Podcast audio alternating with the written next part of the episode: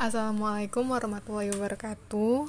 Saya Disya Prida Chania dari kelas 2A di 3 Gizi. Di sini saya akan mereview materi hari ini yaitu stabilitas pangan selama penyimpanan. Yang pertama, ketahanan pangan didefinisikan sebagai keadaan pada saat semua orang pada setiap saat secara fisik, sosial, dan ekonomi memiliki akses terhadap pangan yang cukup, aman, dan bergizi untuk dapat memenuhi kebutuhan pangan yang sesuai dengan seleranya bagi kehidupan yang aktif dan sehat.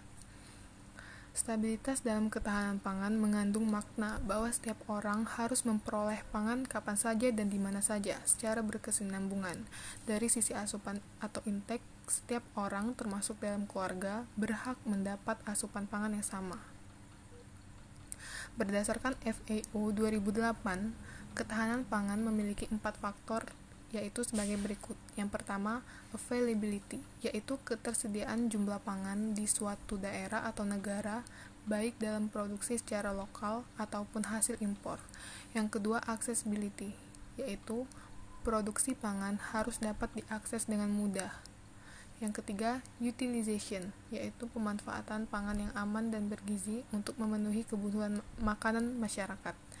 Yang keempat, stability, yaitu pangan harus ada setiap saat, baik dari segi ketersediaan, akses, ataupun kondisinya.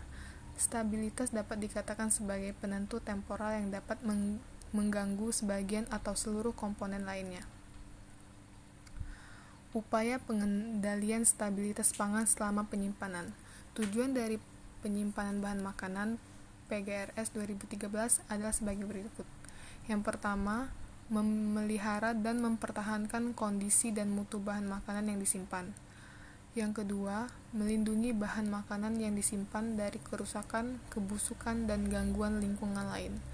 Ketiga, melayani kebutuhan macam dan jumlah bahan makanan dengan mutu dan waktu yang tepat.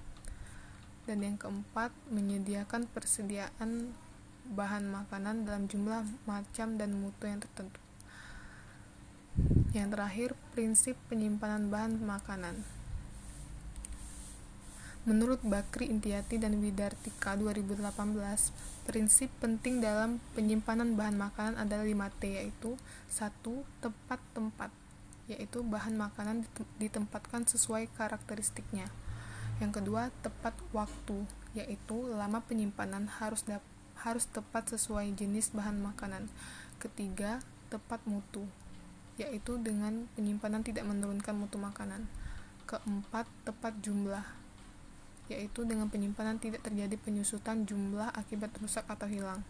Kelima, tepat nilai, yaitu akibat penyimpanan tidak terjadi penurunan nilai nilai harga bahan makanan. Sekian, terima kasih. Wassalamualaikum warahmatullahi wabarakatuh.